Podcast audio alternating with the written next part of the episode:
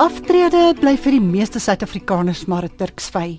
Ek lees die afgelope week net 15% van Suid-Afrikaners kan gemaklik aftree. En dit is dan die 15% van die mense wat wel vir aftrede voorsiening gemaak het. Die res van die mense wat wel voorsiening gemaak het, kan nog steeds nie gemaklik leef na aftrede nie. Kan ons nog aftree? Is aftrede nog 'n goeie idee? Goeiemiddag, ek is Helen Ukerman en baie welkom by vandag se uitsending van Rand en Sent hier op RSG 100 tot 104 FM. My ateljeegas vanmiddag is Sonja Du Plessis, finansiële adviseur van Brenthurst Wealth. Baie welkom Sonja. Goeiemiddag Helen en middag aan al die luisteraars. Lekker om hier te wees. Sonja, die persentasies waarna ek nou verwys het, dat slegs 15% van mense wat vir aftrede voorsiening maak, uiteindelik wel gemaklik kan aftree, is eintlik skokkend. Mense spaar eenvoudig nie genoeg nie. En selfs al dra jy getrou by tot 'n pensioen of aftreefonds, is die kans nog steeds baie goed dat jy buite daardie 15% gaan val. Hoekom is ons in hierdie situasie? Kyk Helen, ek dink die statistieke is skrikwekkend en eintlik maar angswekkend as mens daarna kyk. Maar baie waar, ons sien dit op 'n dag-tot-dag basis wat ek mense in my kantoor sien en hulle het regtig net te min gespaar vir aftrede. As jy vra wat is die redes daarvoor? Ek dink dit is 'n hele klomp redes wat daartoe bydra. Een van die grootes is mense begin eintlik maar net te laat te spaar. Dit is iets wat hulle te laat besef en te laat realiteit vir hulle raak, so hulle begin te laat te spaar. Een groot faktor wat ons ook sien hoekom mense te min het met aftrede, maar is dat 'n groot getal mense as hulle skuif tussen werke Hulle gebruik daai pensioengeld wat hulle opgebou het deur die jare 5 of 10 jaar of langer. Hulle cash dit in, hulle trek dit uit en hulle gaan koop, hulle betaal skuld af of sit dit in 'n ander bate. So dit is een van die groot redes ook wat ons sien. Ander groot faktor wat ek dink baie mense ook maar te min voorsiening vir gemaak het is ons het 'n groot aantal mense wat maar vir hulle self werk. Jy weet dit is mense soos boere wat vir hulle self moet sorg mense wat eie praktyke het, dokters, tandartse, mense wat eh, hulle eie besighede het, besigheidsmans, besigheidsvrouens. En daai mense wat vir hulle self werk, word nie regtig gedwing om te spaar elke maand tot 'n aftreefonds of 'n pensioenfonds nie. So vir hulle is dit nie so so groot faktor nie. En op die einde van die dag haal dit hulle in. Dit is ook maar 'n groot rede hoekom mense te min gespaar het. Maar dit is maar interessant want jy sal dink dat 'n mens wat vir homself werk en sy eie geld sake materiaal, hulle tog waarskynlik wel 'n mediese fonds. Hoekom is dit dan so maklik om jou aftreevoorsiening af te skeep? Dis 'n goeie vraag. Ek dink dit is ook maar 'n wye vraag. Jy weet dit mense kan dit nie deurtrek op alle mense nie. Wat ek baie gereeld sien is is byvoorbeeld dokters. Ek dink nie finansiële beplanning of finansies is noodwendig iets waarin hulle belangstel nie. So dis iets wat een kant toe geskuif word. Hulle hulle is so gefokus op hulle werk en werk sulke lang ure dat dit regtig net iets is wat hulle vergeet. Dit is altyd vir my baie ironies dat iemand so hard werk en en soveel tyd en energie insit om bates op te bou, maar op die einde van die dag vergeet hulle om te spaar en te sorg dat dit in die regte instrumente belê is. Wat word van hulle as hulle nie meer kan werk nie? Wat sien jy? In praktyk wat ons sien is iemand soos 'n dokter of iemand wat daarom gekwalifiseer is in 'n rigting, daai tipe mense gaan nou maar net aan. Hulle werk langer. Aftrede word nie 'n vaste realiteit vir hulle nie. Hulle besef dat weet jy wat, ek moet langer werk. Ek gaan moet werk tot 70, 75 so so lank as wat ek kan en so lank as wat ek gesond is. Baie adviseurs praat van 'n rykdomskep eerder as aftreevoorsiening. Wat is die verskil? Helen, ek dink die term rykdom skep is meer 'n holistiese benadering. Dit is hoe ek dit sou opsom. Rykdom skep is as iemand my kom sien of 'n finansiële adviseur kom sien, dan kyk ons na na 'n paar aspekte. Aftreebeplanning is net 'n deeltjie daarvan. Rykdom skep sal insluit kyk na bates en laste. Is 'n persoon se laste nie uit verhouding teenoor sy bates nie? Het hy nie te veel laste nie? Maak hy voorsiening vir sy kinders, universiteitsfooie? Het hy nie te veel bates byvoorbeeld in in 'n spesifieke bateklas nie? Ons Suid-Afrikaners is baie lief om eiendom te koop en al ons geld in eiendom te belê. 'n Goed gediversifiseerde portefeulje beteken nie dat jy 80% van jou geld in eiendom moet hê nie. Jy weet rykdom skep is maar 'n holistiese benadering wat ons kyk is jou verhouding wat jy blootstelling het in bateklasse is dit in lyn en is dit gebalanseerd. Waar aftreebeplanning nou spesifiek met die oog op aftrede is. As ek reg, as ek vir jou sê dat as 'n mens rykdom skep, eerder as om net in 'n pensioenfonds of aftreefonds te belê, dan is jou belegging sodanig teen die tyd wat jy aftree dat jy eintlik van die rente, die opbrengs daarvan kan leef. Ja, jy kan jou groei en jou rente wat jy uit verskillende bateklasse kry op die ou en van die dag dra by tot aftrede. Jy kan byvoorbeeld 'n huurinkomste kry of jy kan 'n rente van 'n geldmarkbelegging of geld wat jy oorsee het wat jy dividende van kan kry. Mm. So ja, dit by een van die dag wil jy nie noodwendig net geld ontvang van 'n pensioenfonds nie, maar van verskeie bateklasse om die inkomste aan te vul op jou een van die dag. Ja, ja.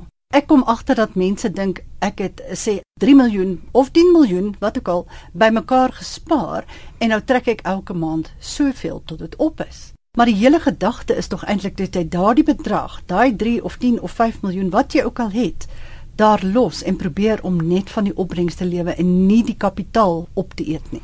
Ja, dit is ideaal. Dit is die ideale prentjie wat 'n mens wil hê om nie in jou kapitaal te raak nie. En sodoende skep jy eintlik rykdom want jy laat 'n nalatenskap vir jou kinders eendag of vir jou vrou of vir jou familie en dit is iets wat wat jou familie kan help.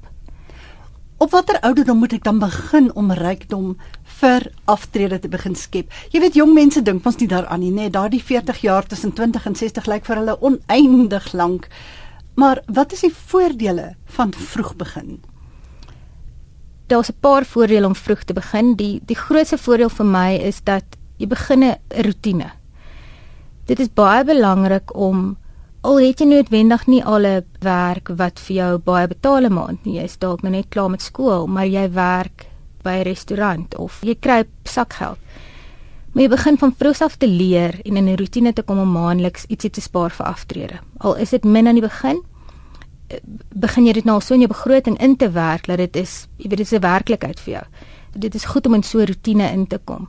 Die ander voordeel om vroeg te begin is dat jy tyd aan jou kant het en dit is 'n groot groot voordeel om om om groei te bewerkstellig op op enige belegging.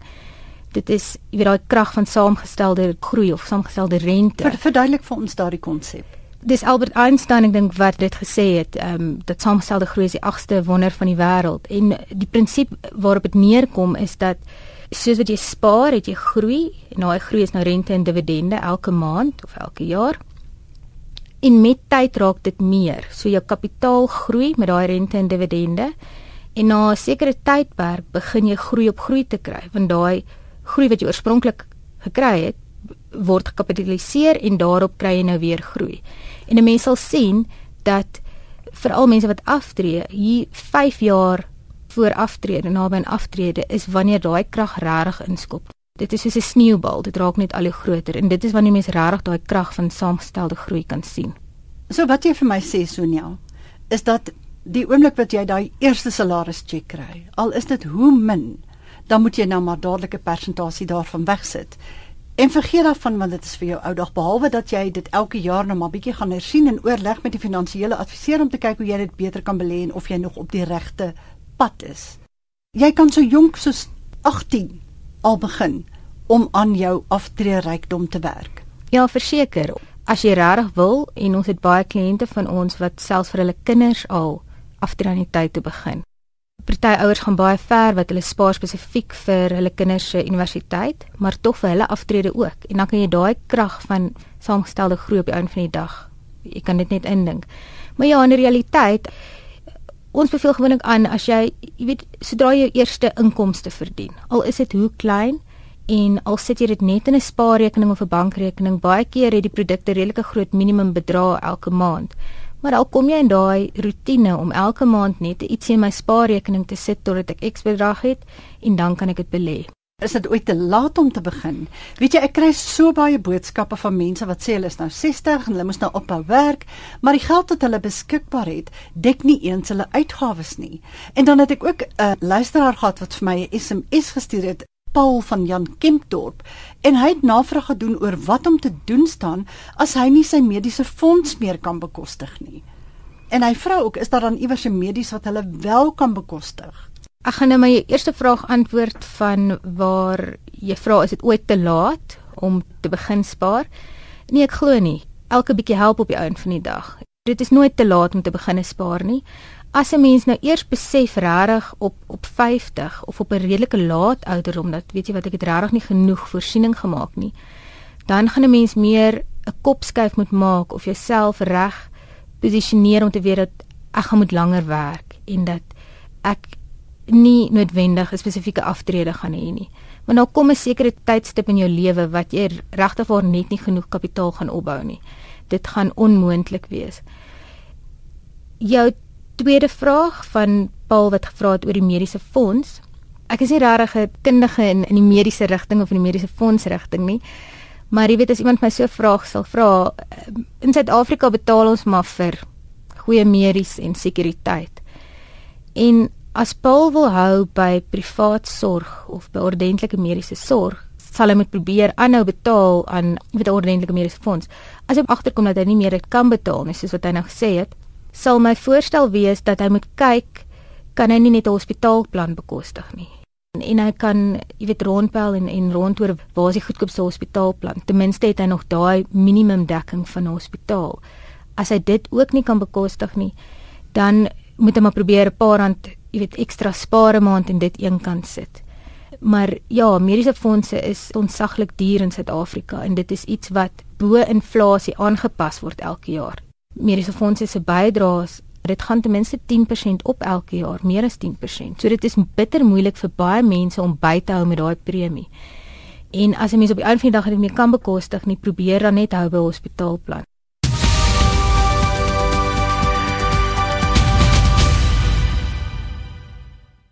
Jy luister na Rand en Sent met Helen op RSG en ons ateljee gas vandag is Sonia Du Plessis, finansiële adviseur van Brenthurst Wealth.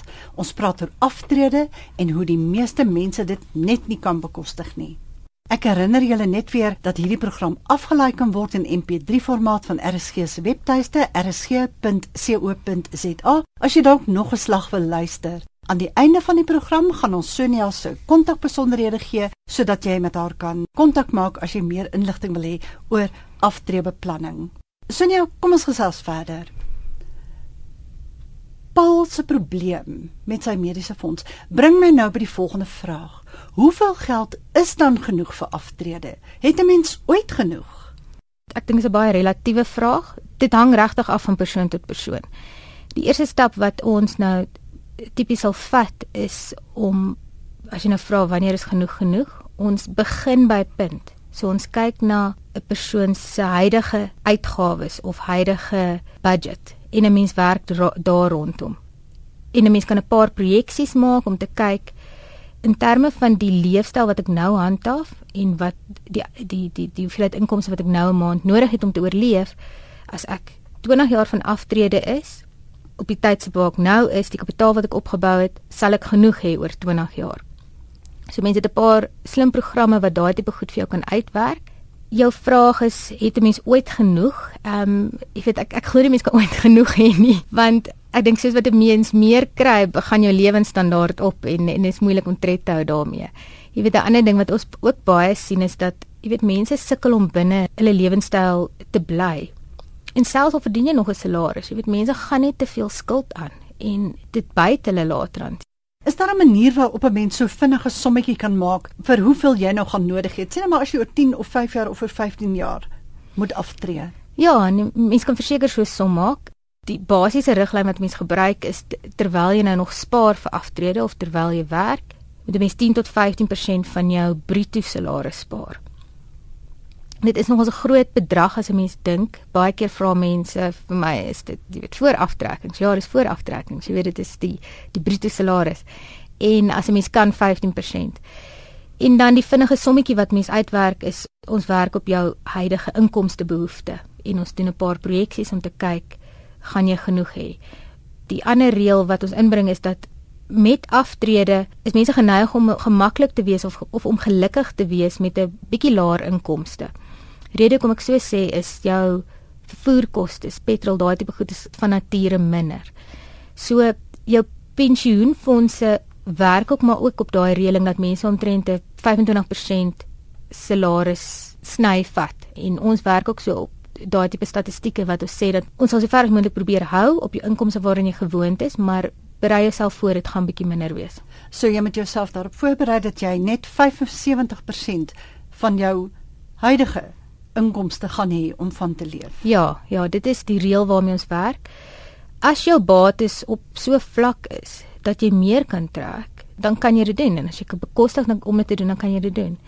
Die ander uh, goue reël wat ons ook inbring is dat jy weet onder huidige omstandighede dit word eintlik nou maar aangepas van jaar tot jaar, maar jy weet 5-6% van jou kapitaal om dit te trek met aftrede. Alhoewel jy weet die nuwe data wat uitgekom het sê mense met meer in die omgewing van 4 na 5% trek omdat ons in sulke moeilike markomstandighede is. So mense kan vinnig ook by jouself daai berekening maak om te sien dat die kapitaal wat ek nou opgebou het, maar met 5%, dit is wat ek kan trek binne die riglyne gesonde finansiële beplanningsriglyne te bly. Nou daar is natuurlik 'n wye verskeidenheid beleggingsprodukte of beleggingsinstrumente waarmee jy kan spaar vir aftrede. Kan jy vir ons 'n paar noem en dalk so 'n bietjie uitbrei waarom dit goeie keuses sou wees? Die spesifieke instrumente wat jy dink is baie geskik vir aftreebeplanning. Ellen, ek dink die eerste een en dis die mees ooglopendste een is jou tradisionele pensioenfonde by werkgewers as jy werk vir 'n werkgewer en hulle het 'n pensioenfonds, dra by daartoe. Baie keer word mens die opsie gegee jy hoef nie by te dra nie.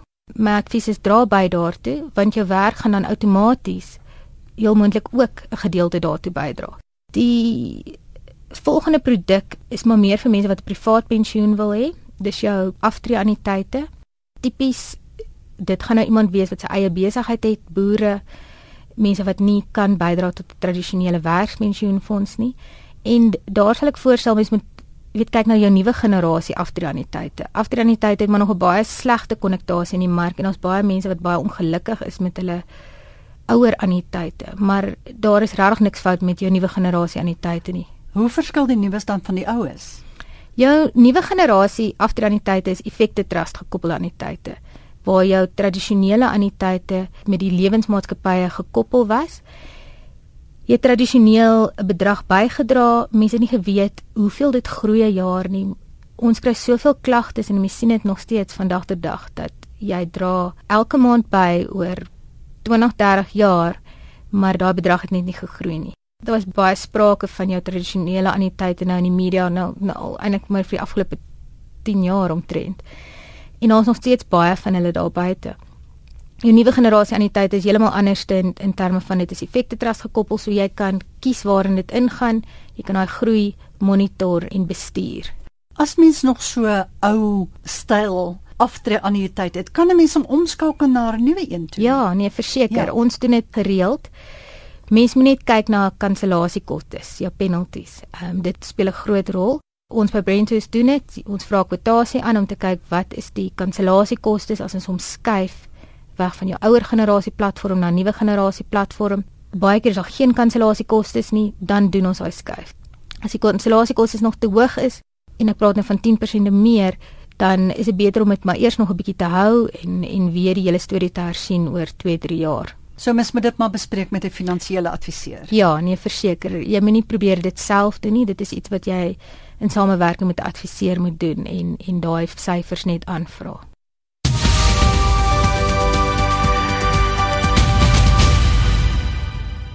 Jy luister nog na Rand en Sent hier op RSG en dit is natuurlik 100 tot 104 FM. Ek dink voor ons verder oor aftrede gesels met Sonia Du Plessis, finansiële adviseur van Brenthurst Wealth, is dit nou eers tyd vir Helen se geldwenk en hier is die kasregister. As jy 50 nader, is dit waarskynlik wys om te begin dink aan 'n tweede loopbaan wat jy na aftrede kan volg. Nie net om jou inkomste aan te vul nie, maar ook om besig te bly. 60 of 65 is nog jonk in vandag se terme. Toe pensioenvoorsiening jare gelede die norm geword het, was die gemiddelde mens se lewensverwagting na aftrede maar 3 jaar.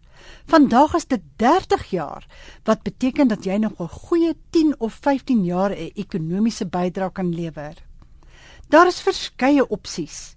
Jy kan konsulteer in jou veld vir 2 of 3 dae per week. Jy kan met jou werkgewer ooreenkom om 'n paar dae per week op kontrak te kom uithelp. Jy kan jou stokperdjie of vaardighede uitbou tot 'n inkomste genererende tuisbedryf. Wees wel versigtig om jou pensioengeld vir so 'n tuisbedryf te gebruik. As dinge verkeerd loop, kan jy jou jarelange spaargeld net so verloor. Wat kan 'n mens dan doen van die huis af? Ram prente. Bak vir 'n tuisnywerheid. Beplan en bestuur kinderpartytjies. Leer boekhouding en werk vir 'n verskeidenheid kliënte sommer van jou eetkamertafel af. Ontwerp besigheidskaartjies en briefhoofde as jy oor die regte rekenaarprogramme en kennis beskik. Dink, wat kan jy die wêreld bied met jou jarelange kennis en ondervinding? En dit was ons weeklikse geldwenk.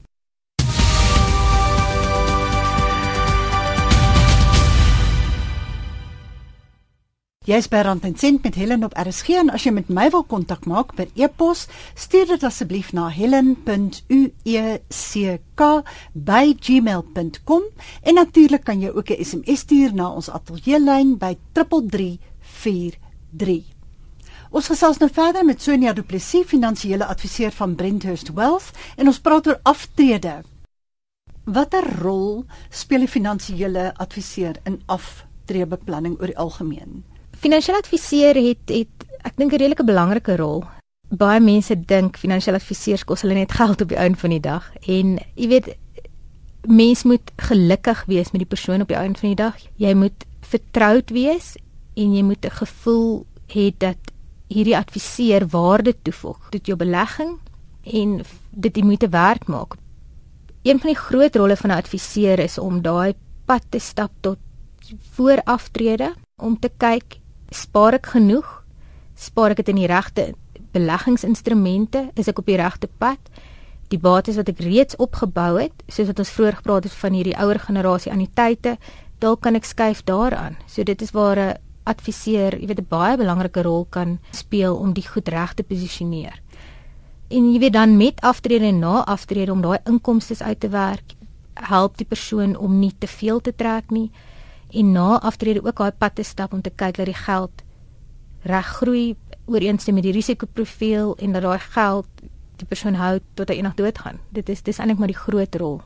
Weet jy Sonja, ek kry ook nogal baie boodskappe van mense wat sê maar ek het hierdie polis 30 jaar gehad en hy's niks werd nie. Hmm. Net soos met die aftrede annuïteit waarvan jy nou nou gepraat het. En dit is die rol van die finansiële adviseur om vir jou te sê luister hierdie polis gaan nêrens nie of daai aftrede annuïteit gaan ook nêrens nie. Kom ons skuif die goed 'n bietjie rond sodat die bydraes wat jy elke maand maak in jou guns begin werk. Ja, verseker, dis iets wat ons baie sien en ons kry mense wat onsaglik baie polisse en annuïteite opgebou het. Maar die produkte werk net nie vir hulle nie. So, jy weet daar kom ook 'n tydstip wat 'n mens dan besluit en sê, weet jy wat? Kom ek betaal hierdie penalty of hierdie hierdie kansellasiefooi en ek stop hierdie uitkeerpolis en ek begin 'n nuwe roete want dit help nie 'n mens dra by en gaan aan met 'n produk wat jy eintlik maar net geld instort en en glad nie vir jou werk nie. So ja, daar baie belangrike rol en dit help ook nie mense gaan met oogklappe deur die lewe en en hoop nou maar net dat hierdie polisse of anniteite vir jou net gaan werk nie.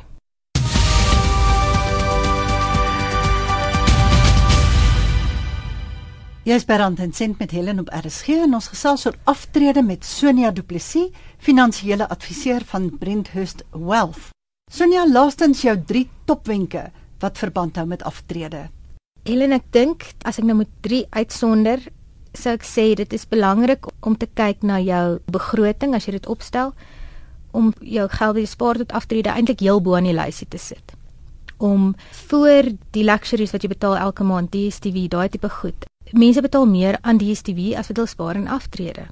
Dit wat jy spaar tot aftrede moet heel eers aan jou lysie kom. Ander wenk wat ek kan gee is as mens skuif tussen werke en jy het 'n pensioenfonds opgebou, moet dit nie gebruik nie. Jy weet, sit dit net oor na bewaringsfonds toe. Moenie daai geld gebruik en en en spandeer op iets anders te nie. As die versoeking daar is, vra sommer jou werkgewer om dit oor te plaas na ander fondse sodat jy nie daaraan kan raak nie. Ja, daar moet ek ook by sê dit is goed om 'n finansiële adviseur te raadpleeg want daar is 'n hele paar opsies. Ja. En jy weet ons het nie regtig daarop ingegaan nie, maar selfs as jy daai geld onttrek, betaal jy belasting. So dit is dis regtig nie raadsaam om dit te onttrek nie. My laaste wenk sal wees dat dit regtig nooit te laat is om te begin spaar nie. Mens moet nooit moed verloor nie. Hoe vroeër jy kan begin, hoe beter, want dan het jy tyd aan jou kant. Sonja, waar kan mense jou kontak? Ellen, ek dink die maklikste is mense kan gaan na ons webwerf. Dit is by www.braintrustwealth.co.za www.braintrustwealth.co.za Andersins is hulle welkom om my 'n e-pos te stuur by Sonja S O N I A @braintrustwealth.co.za en dit is Sonja met 'n met 'n i. Of andersins is hulle welkom om my te kontak by Johannesburg 011 799 8100. 799 8100. 011 799 8100. Sonja baie dankie vir die lekker gesels. Dankie Helen. Ons ateljeegas was Sonja Du Plessis, finansiële adviseur van Brenthurst Wealth en ons het gepraat oor aftrede. Volgende Sondag om 12:30 is Rand en Sent terug. Ek is Helen Ukerman. Geniet die week wat voorlê.